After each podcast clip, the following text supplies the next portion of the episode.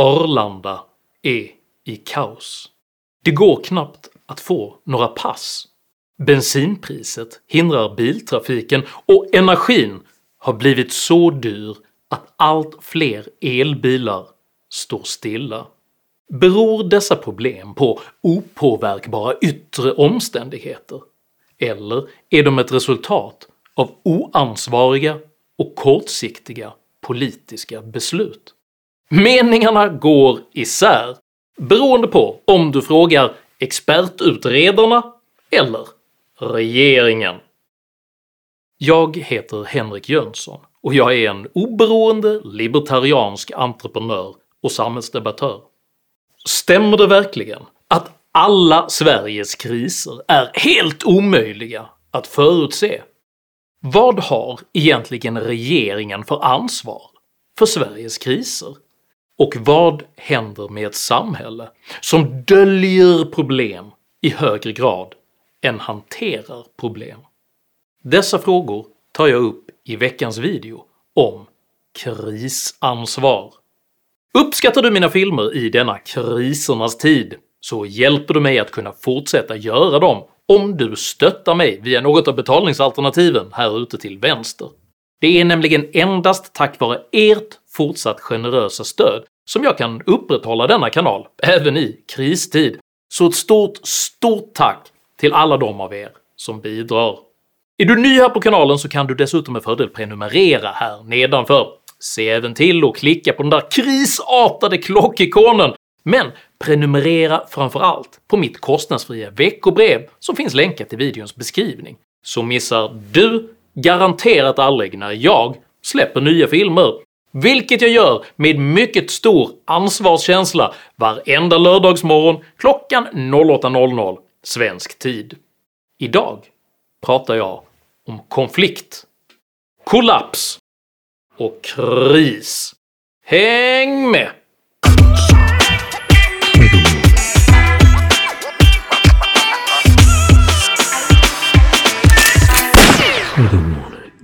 Världen är en bok.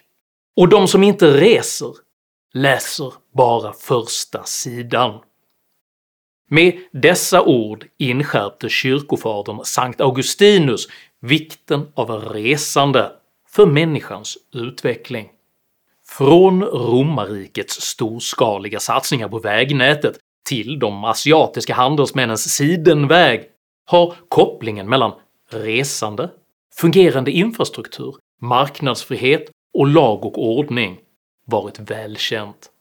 Faktum är att kulturer med svag infrastruktur, laglöshet och begränsade möjligheter till resande historiskt sett har tenderat att förfalla till isolationistisk fattigdom, såväl kunskapsmässigt som ekonomiskt.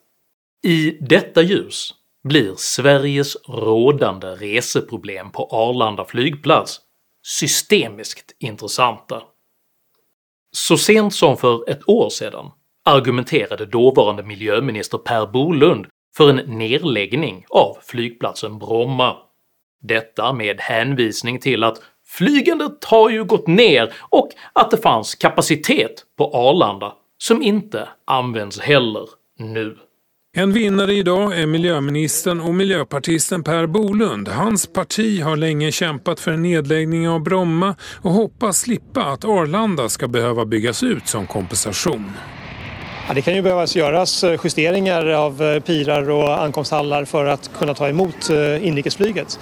Men det finns ju en väldigt stor kapacitet på Arlanda som inte används heller nu. Flygandet har ju gått ner dramatiskt. Den statsägda flygplatsoperatören Swedavia slog redan i oktober 2021 larm om risk för omfattande köer på Arlanda, en varning som upprepades direkt till justitieminister Morgan Johansson så sent som i januari. Problemen är, enligt det upphandlade säkerhetsbolaget Avarn Security, att Säpos långa handläggningstider för bakgrundskontroll av anställda leder till att sökande istället väljer andra jobb. Lena Johansson, regionchef för Avarn Security, hälsar Expressen I flera fall har Avarn Security gått miste om personal som under den oavlönade väntetiden för klartecken i säkerhetsprocessen istället nappat på andra jobb. Varningarna för underbemanning och allt längre köer har uttryckts både av branschorganisationen Säkerhetsföretagen och av Stockholms handelskammare. Det politiska ansvaret för sektorn brister. Ointresset har blivit värre, säger Li Jansson som är näringspolitisk chef på Säkerhetsföretagen.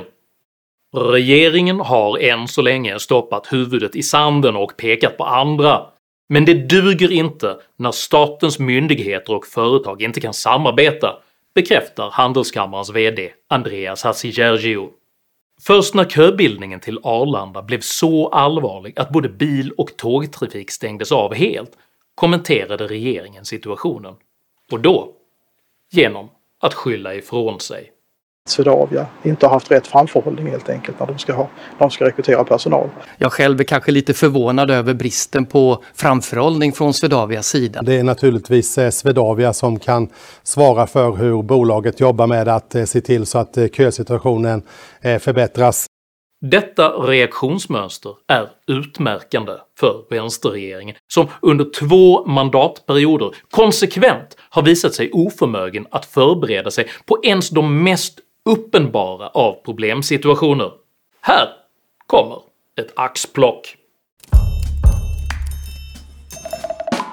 När svensk migrationspolitik år 2015 gick från att inte bygga några murar mitt Europa bygger inte murar!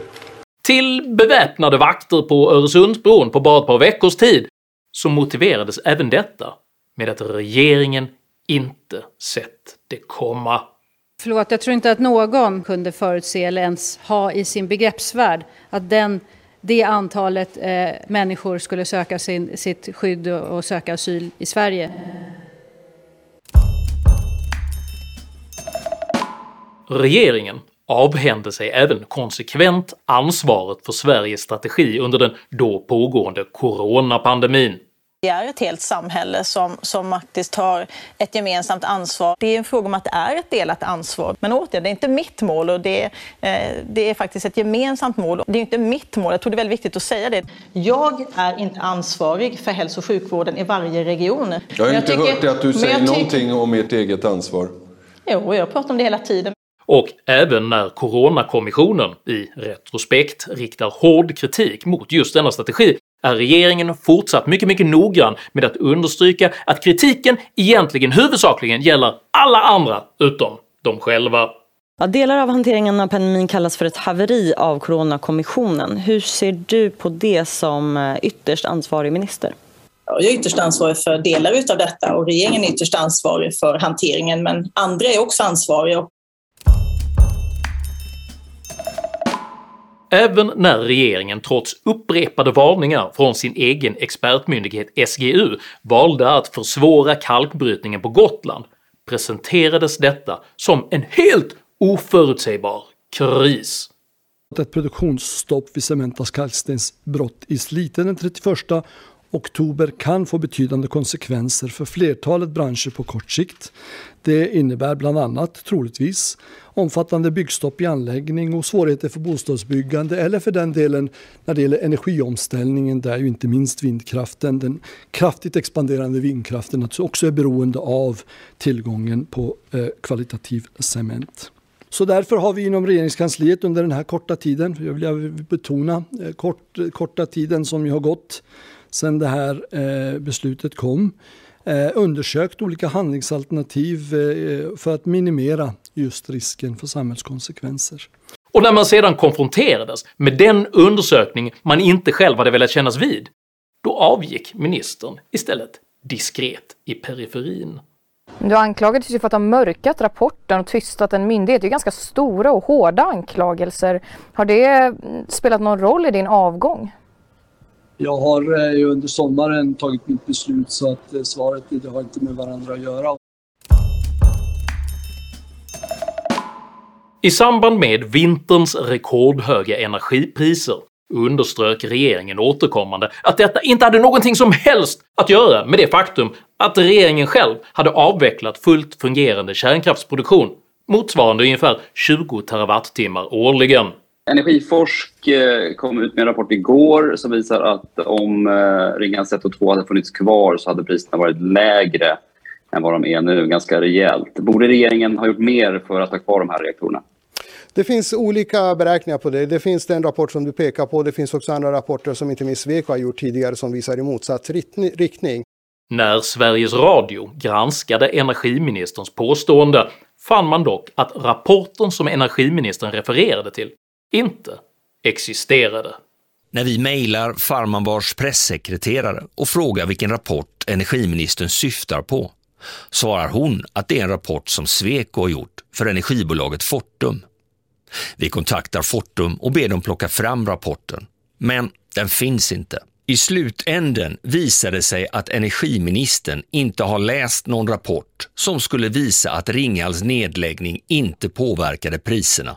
Regeringen kommenterar endast denna typ av besvärande sakförhållanden med att de har en annan bild av verkligheten.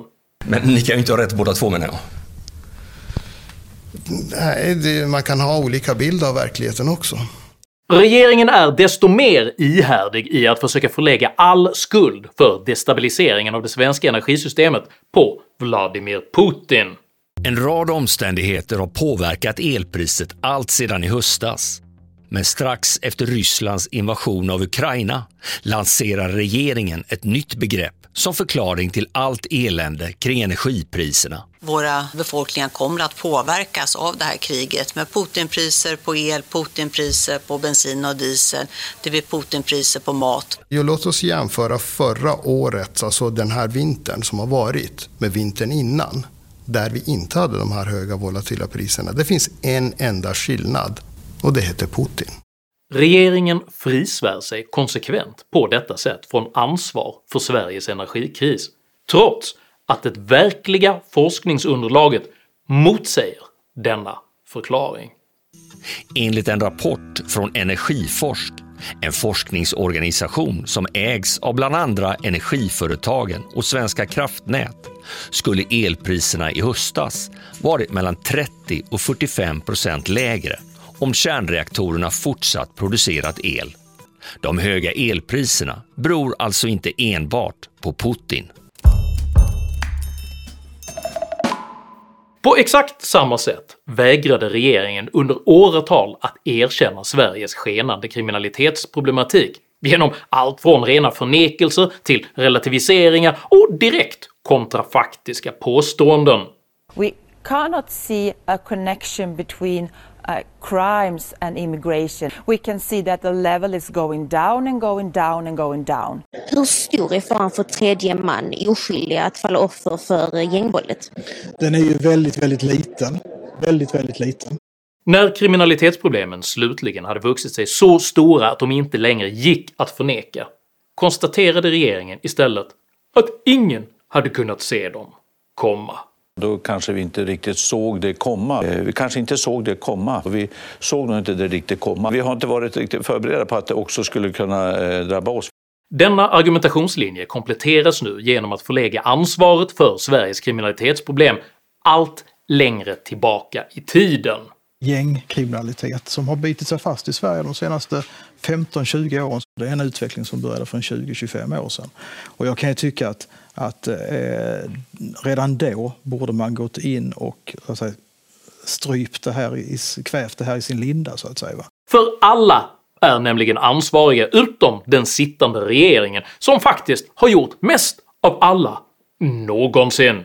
Det finns nog ingen regering i modern tid som har gjort lika mycket just mot gängkriminaliteten som den här regeringen har gjort. Samma sak gäller de rådande svårigheterna att få nya pass utfärdade trots att polisens egen årsredovisning redan år 2021 fastslog Coronapandemin har medfört ett ackumulerat behov av resehandlingar som vid utgången av 2021 uppgick till över en miljon pass. På grund av det ackumulerade behovet är sannolikheten hög för att ett betydligt antal fler medborgare än normalt kommer att ansöka om pass under de närmaste åren. På många håll i Sverige är nu väntetiderna över 6 månader lång och en svart marknad för försäljning av passtider har uppstått. Regeringen har varken kommenterat eller agerat proaktivt för att avhjälpa denna situation, till exempel genom att överföra passhanteringen från den redan överbelastade polismyndigheten till en annan myndighet. Istället refererar man konsekvent till Sveriges förvaltning och dess myndigheter som om de vore av gud givna naturlagar långt bortom allt politiskt inflytande. Alla de krislägen som jag redovisat i denna video har tre saker gemensamt. För det första gick de alla att förutse och att förbereda sig på. För det andra har regeringen underlåtit att agera proaktivt i samtliga av dessa frågor. Och för det tredje är regeringen dessutom helt ovillig att ta ansvar för sin handfallenhet, men mycket, mycket snabb med att rikta anklagelser mot alla andra. Han försöker vara den vuxne i rummet. Det är precis tvärtom. Han är barnet i rummet.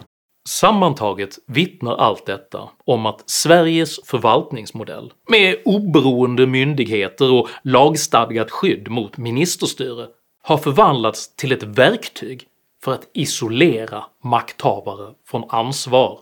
Regeringens relation till staten framstår allt mer metafysisk där konkreta samhällsproblem framställs som politiskt helt opåverkbara naturfenomen och där allt utkrävande av politiskt ansvar skrockande förlöjligas som populistiskt effektsökeri och okunskap som om Sveriges energiminister skulle kunna påverka Sveriges energiutbud! Oh, jag dånar! Att korrigera detta politiskt egennyttiga missförhållande kommer att vara mycket svårt eftersom både förvaltningens aktivistiska tjänstemän och regeringens ansvarsskygga politiker har allt att vinna på upprätthållandet av maximal isolation från ansvar. Att samma partiorganisationer, samma personer och samma incitamentsystem som en gång skapat dessa samhällsproblem även skulle ha förmågan att reformera dem är mycket, mycket osannolik. I ljuset av att svenskar i nuläget knappt kan få resehandlingar, inte har råd med biltransport och tidvis även berövas möjligheten att ta sig till en flygplats ser det endast ut att finnas två möjliga lösningar på dessa problem. I det ena fallet förändrar vi den rådande politiska ordningen så att verkliga reformer av förvaltningen faktiskt möjliggörs. I det andra fallet Fortsätter misskötseln av den svenska förvaltningen så illa att den helt rämnar, vilket tvingar fram verkliga reformer av nödvändighet. Det är inte en fråga om huruvida Sverige ska förändras i grunden eller inte, bara om på vilket sätt det kommer att ske. Genom målmedvetet och hårt reformarbete, eller genom okontrollerat förfall. Jag vill i denna reformbehovets yttersta tid därför avsluta med att återknyta till Sankt Augustinus uppbyggeliga klokhet. För det finns inget helgon utan ett förflutet, och det finns ingen syndare utan en framtid. Tycker du att politiker bör kunna ställas till svars för hanteringen av samhällsproblem snarare än att de ska kunna använda sina myndigheter som en sköld för ansvarsfrihet? I så fall tycker jag att du ska dela den här videon med dina vänner och varför inte passa på att prenumerera på min YouTube-kanal när du ändå är i farten? Har du egna erfarenheter av bristande ansvar inom den svenska förvaltningen? Dela i så fall gärna med dig av dina upplevelser i kommentarsfältet här nedanför. Jag uppskattar all respektfull kommunikation. Kom dock ihåg att alltid vara artig. Jag accepterar inte aggression, personangrepp eller rasism i mina idédrivna kommentarsfält. Tack för att du som kommenterar respekterar detta.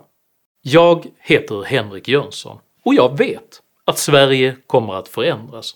Jag hoppas bara att vi finner modet att leda denna förändring istället för att drabbas av den.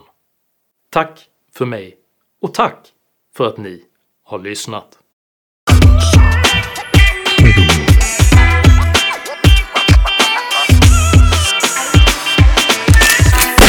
Evermore.